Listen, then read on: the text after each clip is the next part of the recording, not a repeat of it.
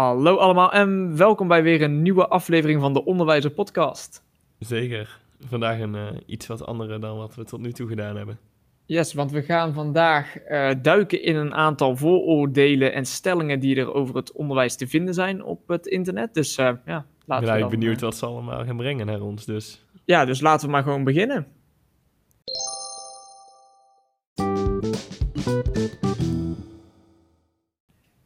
Uh, de stellingen die we voor vandaag gaan gebruiken zijn gewoon afkomstig van willekeurige internetpagina's. We ja. hebben niet specifiek een bron. Dus, we kijken tussendoor ook gewoon naar nieuwe stellingen. Dus uh, het is niet dat we een heel lijstje al voorbereid hebben. We gaan er gewoon een beetje losjes bij zitten en we kijken wat we kunnen vinden en we gaan erover praten. Ja, en dan, uh, als deze stijl een beetje aanslaat, kunnen we wel vaker eventueel kijken of we misschien soortgelijke, wat lossige podcasts opnemen. Om eens een beetje variatie in ons uh, spectrum te krijgen. Zeker waar. Um, ik weet niet of jij al meteen een goede hebt om mee nou, te beginnen. Ik ben hier aan het scrollen en ik zie hier het PO krijgt een eerlijk salaris gelijk aan het VO. Ofwel, um, vind jij dat hoe de verhouding nu zit, het primair onderwijs heeft vaak, krijgt vaak tot altijd minder betaald dan het voortgezet onderwijs. Ja, wat vind je daarvan? Nou ja, um, ik ben ervan overtuigd dat als je een HBO-studie doet, dat je in een bepaalde salariskring komt. Ja. En ik persoonlijk vind het uh, logisch, zou het logisch vinden, als het PO net zoveel betaald zou krijgen als het VO. Om uh, ja, verschillende redenen. Ja, je hebt toch allebei wel een HBO-opleiding gedaan, inderdaad. En het is niet zo dat wat je in het voortgezet onderwijs doet niet van belang is voor de, voor de groei van het kind en alles wat erbij komt kijken. Want jij bent natuurlijk wel een van de belangrijke factoren in het leven van een kind. Ja, en het, is, het verschilt natuurlijk. Als middelbare schoolleerkracht doe je natuurlijk heel wat andere dingen soms dan wat een basisschoolleerkracht doet. Je Totaal hebt, anders. Ja, vaak heb je de leerlingen niet heel de dag. Je bent ook niet altijd, zeg maar, uh, ook nog eens de mentor van, nee, van die groep die je voor je hebt. Terwijl je, als je als primair onderwijzer altijd bezig bent met, met, ja, met die klas en daar altijd mee omgaat. En je bent dan ook meteen de vijf rollen van de leerkracht waar we het vorige week over gehad hebben. Ja, inderdaad. Dus je bent eigenlijk je al... Je ziet die kinderen ook veel meer. Hè? En je, ja. je bent echt ook met andere dingen bezig. Je bent nog heel erg met opvoeden bezig. Nou, geloof me, in de eerste hoeven ze niet meer te vertellen dat het slim is om naar het toilet te gaan als je moet. Nou, dat mag ik hopen van niet. Ja, hoop ik ook. En uh, dat doe je bij de basisschool toch nog wel eens. Ook, dan. zeker. En het zijn natuurlijk, als we dan die vijf rollen zo bekijken, zou je kunnen zeggen dat je altijd bezig bent met vijf rollen tegelijkertijd. En mm. vijf banen tegelijkertijd. Nou, zo mooi klinkt het dan, zo zou ik het dan ook weer niet willen zeggen, want je bent natuurlijk niet volledige tijd met alle vijf bezig. Ja, en um, er werd ook iets belicht eerder vandaag, dat er zijn natuurlijk ook wel mensen in het uh, voortgezet onderwijs die doorgestudeerd hebben, die misschien nog een unie erbij hebben gedaan. Kijk, dan is de verhouding ook wat logischer als zij misschien iets meer betaald krijgen. Dat is ook logisch, want ze hebben daar meer werk voor geleverd uiteindelijk. Maar als je gaat kijken naar een geschiedenisdocent of een basisschooldocent, hebben ze allebei een HBO afgerond en doen ze allebei iets waar ze goed in zijn op een vakgebied. Zeker.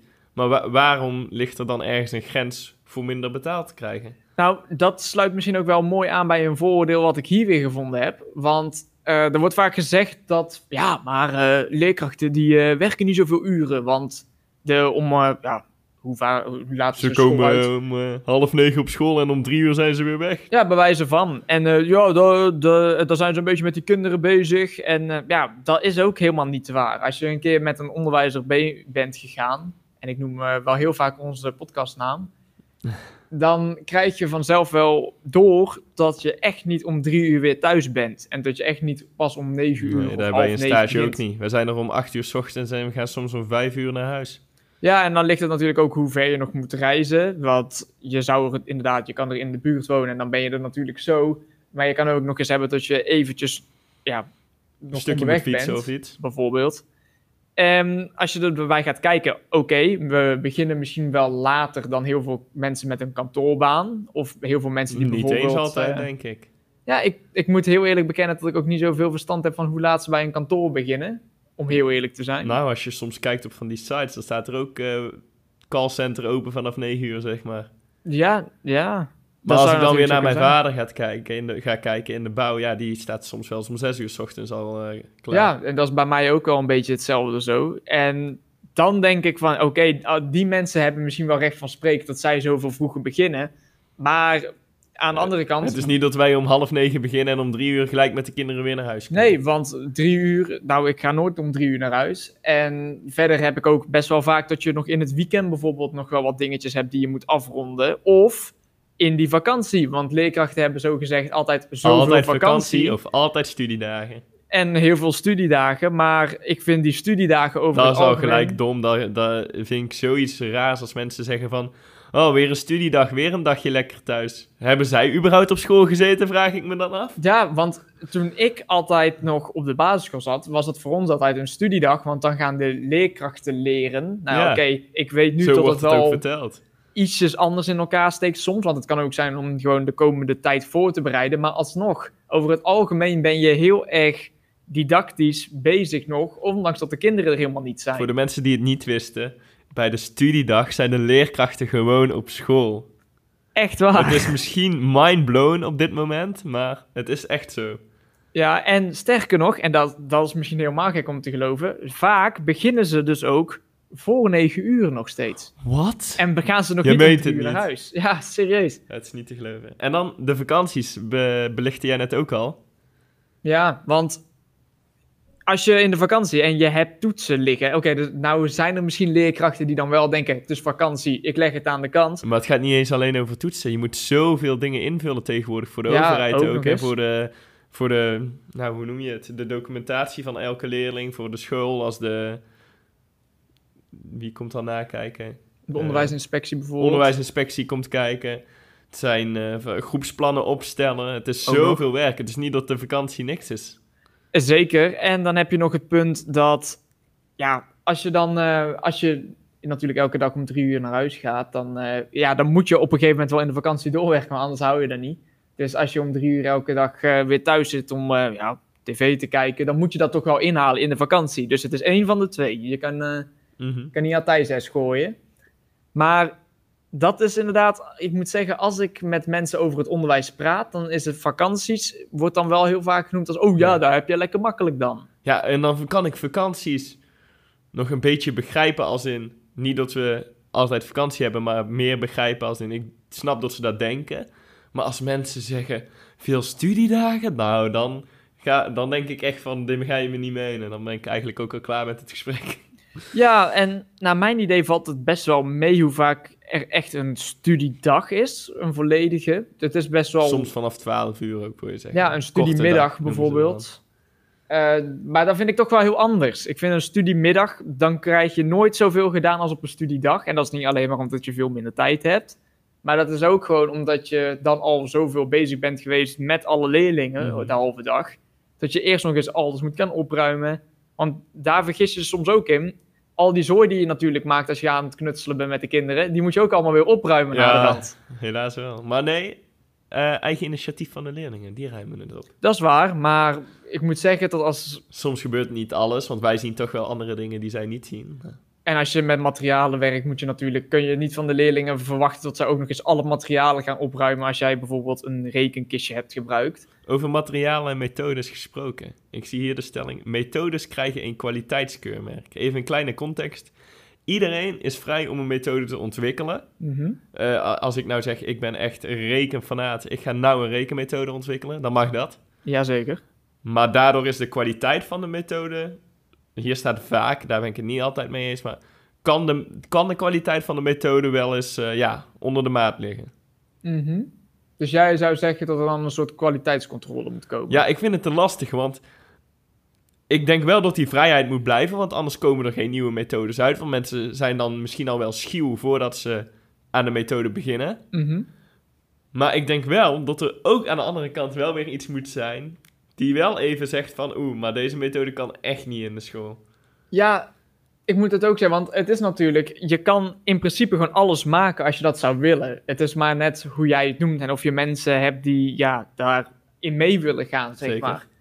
Maar ja, ik kan ook bijvoorbeeld niet een voorbeeld noemen van een methode die echt onder de maat ligt. Maar dat komt ook misschien omdat die ja, minder aanhang krijgen. Ja, ik wou net zeggen, is misschien de kwaliteitskeurmerk al wel niet de directeur, directrice of degene die het geld uiteindelijk uit mag geven? Is dat misschien niet al de kwaliteitskeurmerk? Want ik neem aan dat de directeur of directrice van een school eh, echt wel de methodes inleest en een voorbeeld van de methode krijgt en het gaat uitproberen. En dat ze dan ziet, of hij dan ziet van, nou, deze methode is niks, daar kopen we niet. Dus misschien hebben we al wel eigenlijk een tussen haakjes kwaliteitskeurmerk.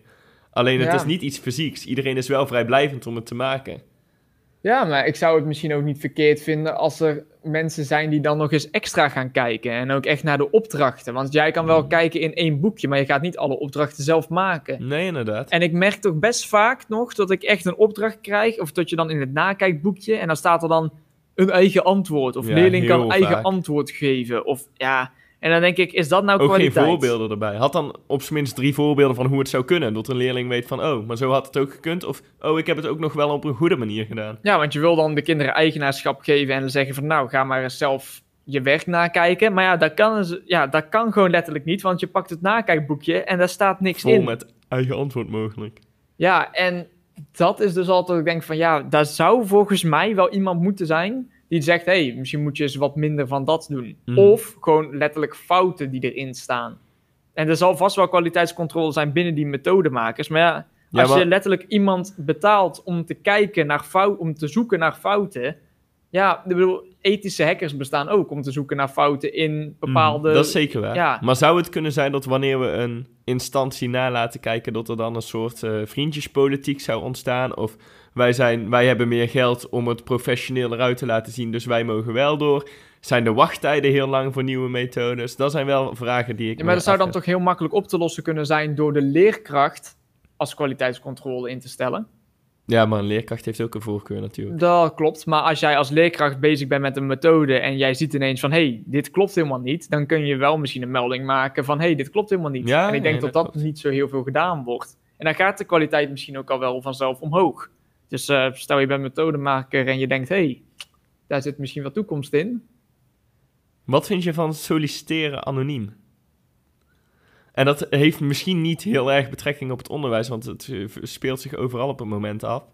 Maar er zijn best wel scholen die misschien ehm, naar andere dingen kijken tijdens het solliciteren dan de naam. Maar er zijn denk ik ook wel scholen, ehm, bepaalde, bepaalde stromingen van scholen vooral nog, die kijken eh, eerste instantie al naar de naam voordat ze de kennis van een, van een leerkracht gaan ja, bekijken. En daar heb ik eigenlijk, eh, dacht ik in eerste instantie geen antwoord op te hebben, maar ik denk eigenlijk toch wel, nu ik nog eens een keer overweeg. Ehm, ik denk dat de, als er een school is die tegen jou zegt van, nou wij nemen jou niet aan door de naam en als jij je al, zeg maar, een soort van, ja, als jij je voelt dat jij anoniem moet gaan solliciteren bij een bepaalde school, dan is dat misschien niet de juiste school voor jou. Ja, nee, dat, dat klopt. dat, ook. Het is een beetje lastig, want natuurlijk snap ik dat... eh, ik heb niet per se zelf die situatie, denk ik.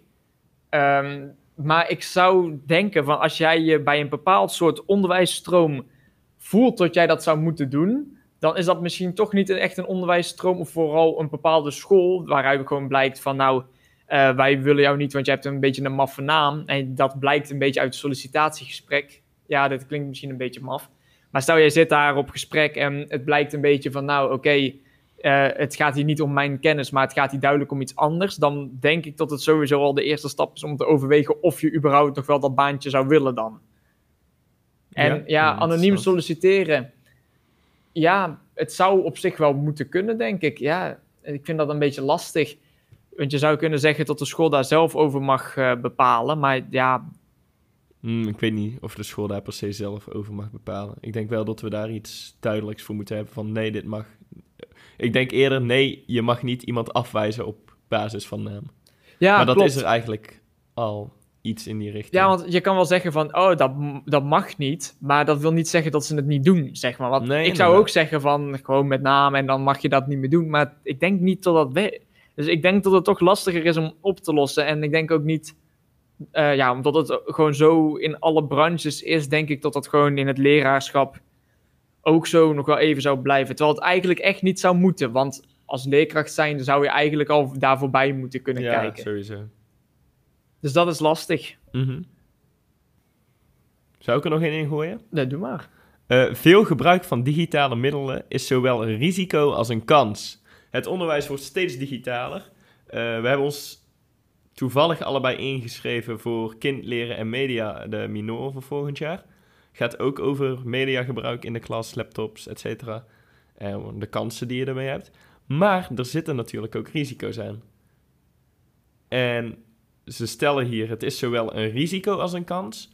Zie jij dit als een evenwicht tussen kansen en risico's? Zie jij het als meer kansen dan risico's? Zie jij het als meer risico's dan kansen? Ik zie er wel meer kans in, denk ik. Ik denk het ook, maar ik denk wel dat, dat we vakbekwaam opgeleid moeten worden in het gebruiken van. Ja, dat is exact wat ik ook dacht. Ehm, je kan er heel veel mee, maar je kan er ook heel veel door laten. En ik denk ook dat veel jongeren er veel mee, jongeren er veel mee kunnen, veel kinderen van dit moment, maar veel leerkrachten nog niet. Zeker, want dat is ook een stukje waar ik nog heel eventjes over wilde. Het is inderdaad nog... Heel veel leerkrachten hebben echt geen flauw idee wat je allemaal kan doen met je digibord. Nee. Of wat je überhaupt aan normale dingen al, hoe het moet. Ja, en hoe wil jij nou een leerling enthousiasmeren om iets daarmee te gaan doen als jij zelf niet eens weet hoe het moet? Mhm. Dat is een beetje hetzelfde, ja... Als je, als je op de middelbare zit, dan kan je kiezen voor informatica. En dat is allemaal heel leuk, want je kan dan zelf iets gaan creëren. En je maakt dan iets, maar vaak is de docent, in ieder geval in mijn geval, die weet dan niet zo heel bijzonder goed, zeg maar, wat buiten het boekje nog kan. Dus hij weet wat er in het boekje staat en hij weet hartstikke goed hoe je dat moet doen. Maar zodra je daar buiten gaat werken, is zeg maar geen idee meer van, wat kan ik hier Mhm. nou mee? Terwijl er zoveel mogelijkheden zijn om bijvoorbeeld iets te programmeren. Ook voor leerlingen, gewoon Ja, op de basisschool. Maar überhaupt ook, eh, ook al iets simpels als een Word-documentje schrijven en de opmaak aanpassen hè, voor groep 3 leerlingen. Ja. Hoe doe ik nou lettertype, hoe doe ik nou de lettergrootte, wanneer laat ik een witregel? Het kan allemaal, maar als je bijvoorbeeld een leerkracht hebt die bijna tegen het pensioen aan zit, die doen daar amper iets mee. Ja, en dat is ook echt niet per se ten nadele van die docenten, want die Zeker doen weer heel veel andere dingen heel erg goed. Maar het is wel een gemiste kans. Ja. Vooral omdat je eigenlijk, als je er echt over gaat nadenken, de kinderen misschien wel een beetje ja, weerhoudt van een optimale ontwikkeling, omdat ze het toch in de toekomst nodig gaan hebben. Zeker. En dan nog over een eh, negatief effect gesproken, want het is niet dat er natuurlijk nul negatieve effecten zullen zijn. Nee. Nu hebben we net al besproken over mensen die dan nog, of leerkrachten die nog niet vakbekwaam zijn. Laatst is er ook een groot onderzoek gedaan naar eh, leerlingen die omgaan met laptops, eh et cetera. En daar is wel uitgekomen dat ze snel, heel snel afgeleid raken. Ehm, toen ik op de basisschool zat, hadden we computerlokaal, gewoon met vaste computers. Nu hebben ze allemaal laptops en zo, iPads. We hadden vaste computers, maar daar stond een, een onderwijsprogramma op. En je kon niet buiten die, buiten die kaders komen. N- niet. Ja, je kon eh, de laptop, de computer weer afsluiten, dat was het. Maar je had dus maar een bepaald aantal dingen waar je uit kon kiezen. En daar stond ook gewoon Word in en PowerPoint. Ja. Maar je kon niet vrij op het internet. Nu is misschien vrij op het internet wel goed. Want daar leren ze heel veel van. Maar aan de andere kant kan ik me wel voorstellen dat dat voor heel veel afleidingen kan zorgen. Ja, en dat. En je moet natuurlijk ook nagaan, want er wordt ook heel veel gesproken of het onderwijs misschien niet te veel binnen is en dat ze wat meer naar buiten moeten. Overigens ook een vooroordeel dat we hier ergens in het lijstje hebben staan. Ehm, ja, dat, dat is misschien. Misschien zitten ze dan ook weer te veel binnen. Dan zitten ze weer de hele tijd naar zo'n scherm te staren. Ook ja. Gaan ze naar huis, gaan ze daar weer de hele tijd op een scherm zitten staren. Allicht. Het ligt er natuurlijk maar net aan wat de leerling naderhand doet. Dus het ligt ook een beetje aan het kind. Ja, ze stellen hier ook nog dat in 2032 hoogstwaarschijnlijk veel meer wetenschappelijk bewijs is van de nadelige invloed van media in de klas. Dus daar ben ik eigenlijk wel benieuwd naar. Jammer dat we niet eh, tijd kunnen reizen. Ja, allicht eh, tot we in seizoen eh 12 of zo, tot we dan eh, ooit achterkomen of het eh, wel of niet is en tot we dan terugpakken op deze aflevering. dat zou nog eens mooi zijn. Dat zou nog eens mooi zijn. Maar we moeten, ja, het ligt er inderdaad aan. Ik denk dat als jij weet waar je aan begint, en dat als jij het op een goede manier kan gebruiken als leerkracht zijnde, het internet en Mhm. alles eromheen en alle Digitale media en ja, als je dat gewoon goed kan gebruiken en kan verantwoorden vanuit didactische ja, inzichten, dan denk ik dat er wel meer positieve kanten aan zitten dan negatieve kanten. Ja, Mits je natuurlijk niet van de kinderen een robot maakt die alleen maar op het scherm kan werken. Want nee, want dan... jij zei net al eh, meer naar buiten. Dat is ook een stelling. Kinderen moeten meer naar buiten. Eens, oneens. Ja, ik ben het er mee eens. Dat kan ik al wel zeggen. Uh, meer naar buiten betekent niet overigens dat ik het dat ik ineens denk van, oh, we moeten echt de hele dag alles buiten doen. Want ik vind ook nog een stuk structuur aan tafel zitten. Hoe zit je überhaupt aan zo'n tafel? Hoe ga je netjes om in de klas met je klasgenoten? Dat vind ik ook een belangrijk deel. Ja, en buiten, je zou altijd nog kunnen zeggen buiten van buiten buiten. Dus echt in de natuur en daar aan de gang. En dat kan natuurlijk heel zinvol zijn hè, voor bepaalde lessen. Ligt er natuurlijk weer aan uh, hoe jij mhm. bent als leerkracht en hoe je dat ontwerpt. Maar buiten zou ook al kunnen zijn buiten jouw klaslokaal en in de aula. En... Ja, ja. ja um, en wat jij dan buiten buiten noemt, maar ook op het schoolplein gewoon. Dus ze zeggen ook dat er veel voordelige effecten zijn aan het gewoon lesgeven buiten. Dus ook al heb je dan gewoon een tafeltje en ga je met je schriftje zitten, misschien de zuurstofgehalte die hoger ligt buiten en dat soort dingen, dat dat ook al kan helpen aan het, aan het leren van een kind.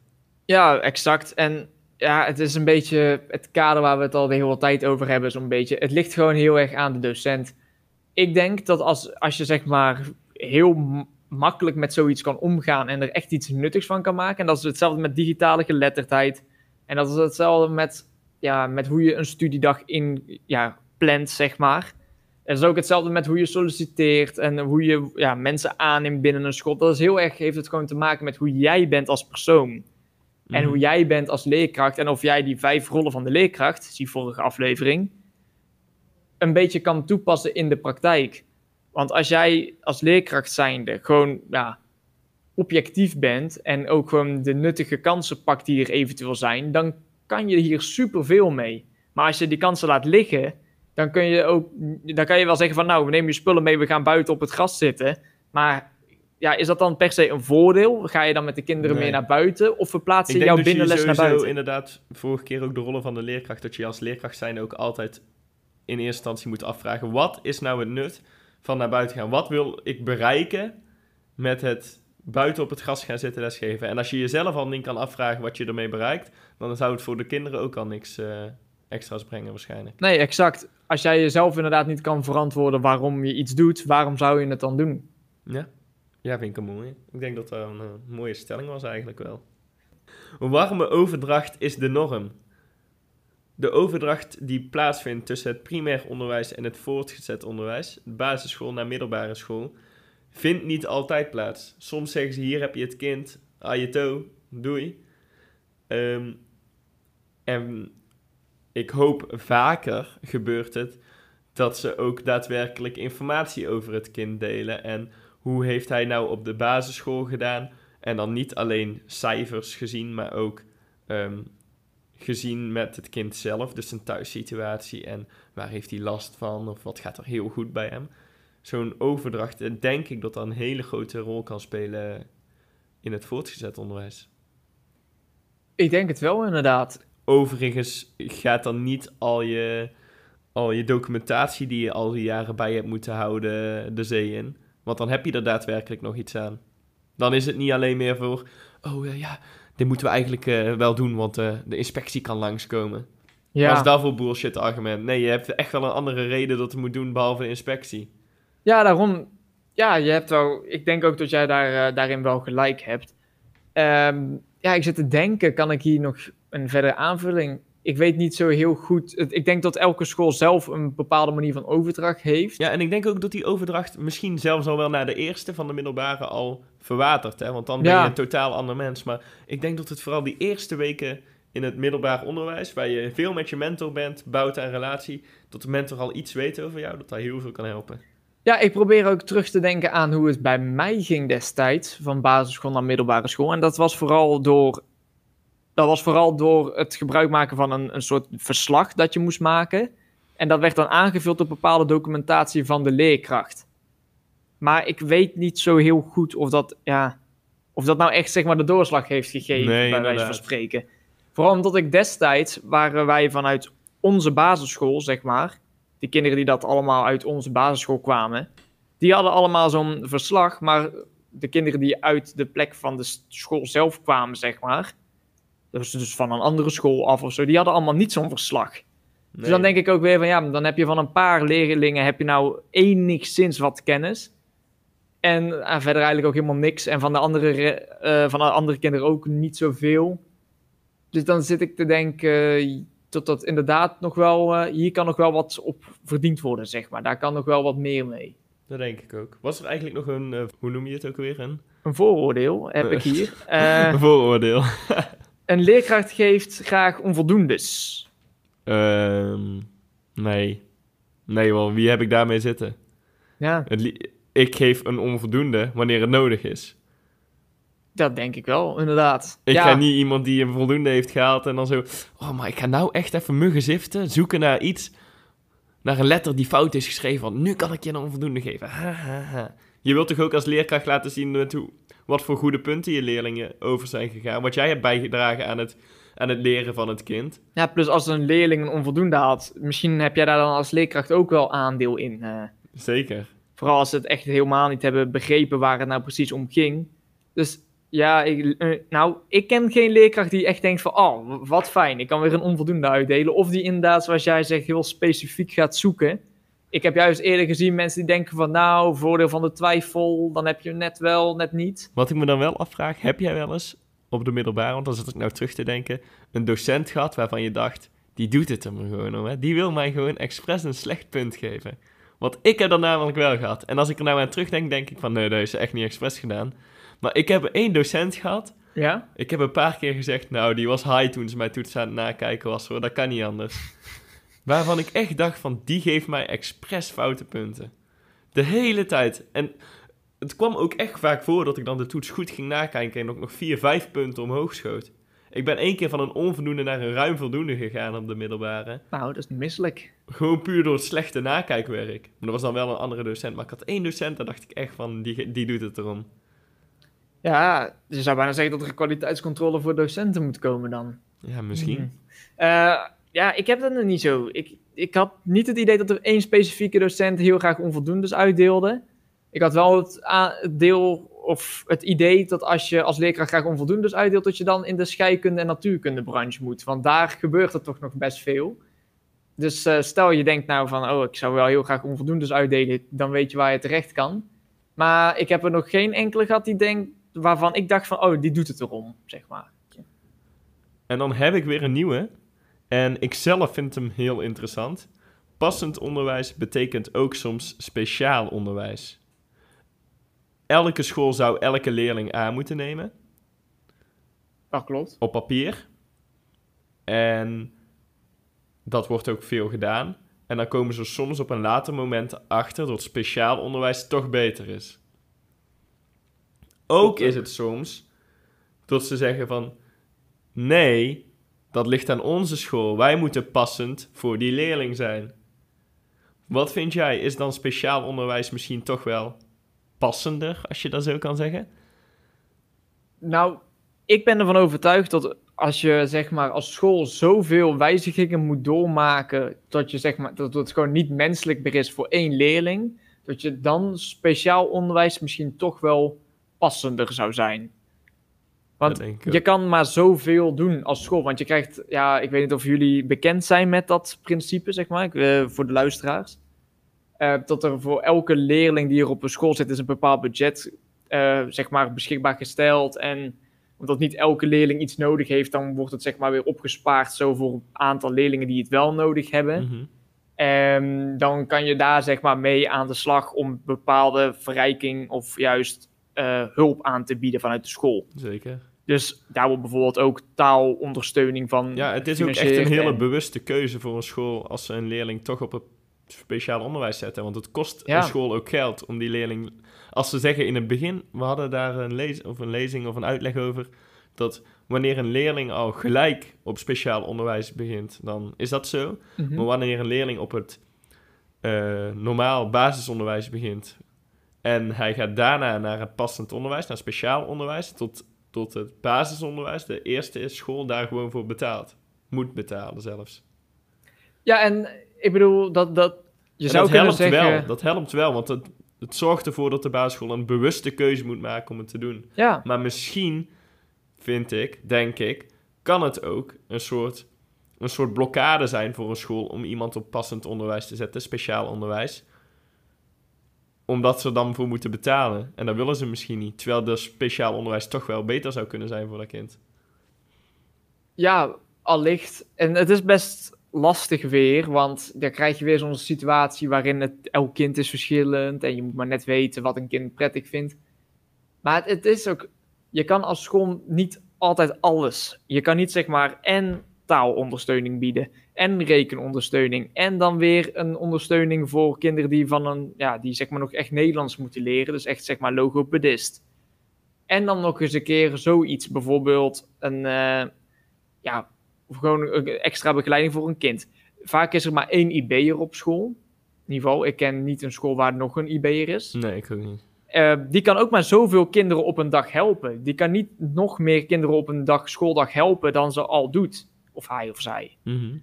Dus het is... Op een gegeven moment zit het, zit het ook zeg maar een beetje vol, zou je kunnen zeggen. En sommigen hebben echt wel veel nodig.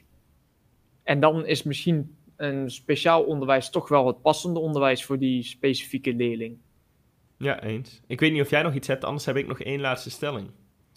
Ik heb denk ik niks, dus ik ben benieuwd. De laatste stelling is: hoe vond jij deze manier van uh, de podcast? En wat vond je van deze podcast?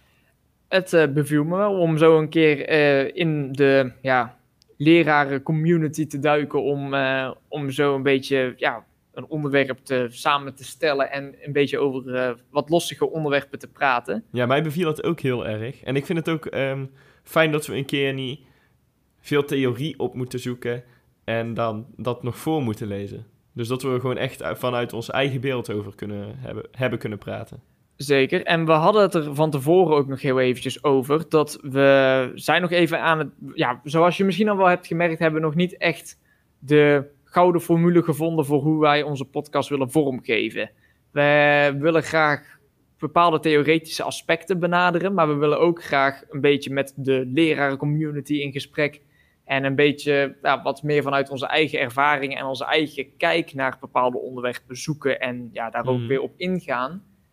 Eh dit hebben we ook bijvoorbeeld eerder geprobeerd met onze podcast over hoe het nu op de PAO eraan toe gaat. Dat was ook een beetje een, een test, zeg maar. En we hebben nog een aantal andere ideeën waar we echt wel heel veel zin in hebben om daar zeg maar, mee aan de slag te gaan. Zeker. Alleen we zijn nog even aan het zoeken naar een bepaalde balans in hoe we zeg maar al die dingen bij elkaar kunnen brengen. En ja, we- Ja, maar ik denk ook niet dat dat erg is dat we daar nog naar aan het zoeken zijn. nee, zeker niet. En vooral ook omdat we ja, natuurlijk een breed publiek willen aanspreken. En als we dan Mhm. verschillende onderwerpen pakken, kunnen we dat dan ook daadwerkelijk doen. Ja, en we willen ook misschien wel differentiëren erin. Hè? Want we willen wel onze professionaliteit behouden met theoretische podcasts. Maar we willen ook wel een keer zoiets als wat we nu hebben gedaan, een beetje meer laid back achteruit zitten en erover praten. Dus misschien is het ook wel goed als we daar eh, een mix van behouden. Ja, en we krijgen bijvoorbeeld ook dan weer. eh, en dan ineens krijgen we weer een thema aangereikt van een student. En dan, of van een leerkracht. En dan denken we meer van, oh, dan gaan we daar weer mee aan de slag. Dus wij hebben eigenlijk ja, van de verschillende bronnen waar we mee aan de slag gaan. En wij hopen eigenlijk alleen maar dat jullie dat ook leuk vinden. Dat wij zoveel mogelijk verschillende dingen proberen. En kijken of we er iets moois van kunnen maken en iets weg kunnen zetten. Mhm. En eh, allicht dat we dus verschillende soorten afleveringen door elkaar laten lopen. Dat we dan ineens een theoretisch aspect hebben. Dat we dan ineens heel erg ingaan op bepaalde stageervaringen. Vooral nu we richting het PA gaan, is dat misschien heel interessant voor ons. Zeker. En dan kunnen we bijvoorbeeld weer gaan kijken naar ja, of we misschien echt iets op de PABO kunnen doen. Ja. Maar dat eh, zal de tijd leren. Ja, ik ben ook wel benieuwd wat eh, de luisteraars er eigenlijk van vinden. Dus denken jullie van, nee, doe alleen laidback. Nee, de mix is goed tussen laidback podcast en theoretisch en leraar community en et cetera. Eh, wat ze er überhaupt in het geheel over denken. Ja, zeker. Dat mogen ze natuurlijk altijd eh, achterlaten op onze social media. Dat kan op Twitter, at Kevin en DJ. Of op Instagram, at Onderwijzer de Podcast. Of overal waar je eigenlijk onderwijzer intypt, kom je ons voortaan tegen. En dan eh, gaan we toch nog een keer hypen over ons nieuwe platform, waar we binnenkort ook weer over Oeh. op te vinden zijn. En daar zal het ook heel makkelijk zijn om je reactie achter te laten. Zeker. Het is namelijk... Ja, gaan we het al verklappen? eh, het staat op het visitekaartje. We hebben overigens 500 nieuwe visitekaartjes laten uitprinten. Ook een hele leuke. Dus als je ze ooit ergens tegenkomt, ze liggen rond te zwerven, Zoek ze dan vooral alle linkjes op en volg ons even.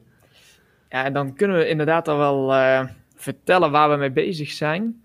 We zijn aan het outbranchen naar YouTube, yes. zodat ook al onze podcasts daar te vinden zijn. Ja. Uh, dan is het voor iedereen ook gratis en uh, makkelijker om reacties achter te laten. Dus daardoor leek ja, gratis zijn we sowieso, hè? Jazeker, maar een Spotify Premium account is natuurlijk wel betaald. En ja, maar niet je hebt iedereen Spotify gebruikt gratis. het. Zeker. En maar, je hebt ook uh, Apple Podcast gratis. Zeker.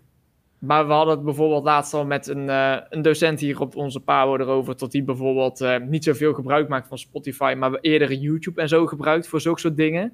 Mm -hmm. Dus het leek ons een, een leuk idee om out te branchen. En het beeldmateriaal zal in eerste instantie allicht nog tegenvallend zijn. We gaan nog niet echt voor een we gaan beeld zelf en geluid bij elkaar. Het is gewoon geluid en een, je ziet misschien wat afbeeldingen tussendoor. Ja, vooral ook omdat onze studio die we tot nog toe hebben nog niet echt iets is waar je van zegt... oh, dan wil je filmen met een tafel helemaal vol met uh, spullen. Maar allicht ooit in de toekomst. Dus uh, dat is uh, de eerste stap die wij gaan zetten tot een, een groter platform. Yes. En dan rest er ons niks anders dan houdoe zeggen. Dus we zien jullie graag weer terug in de volgende aflevering. Houdoe. Houdoe.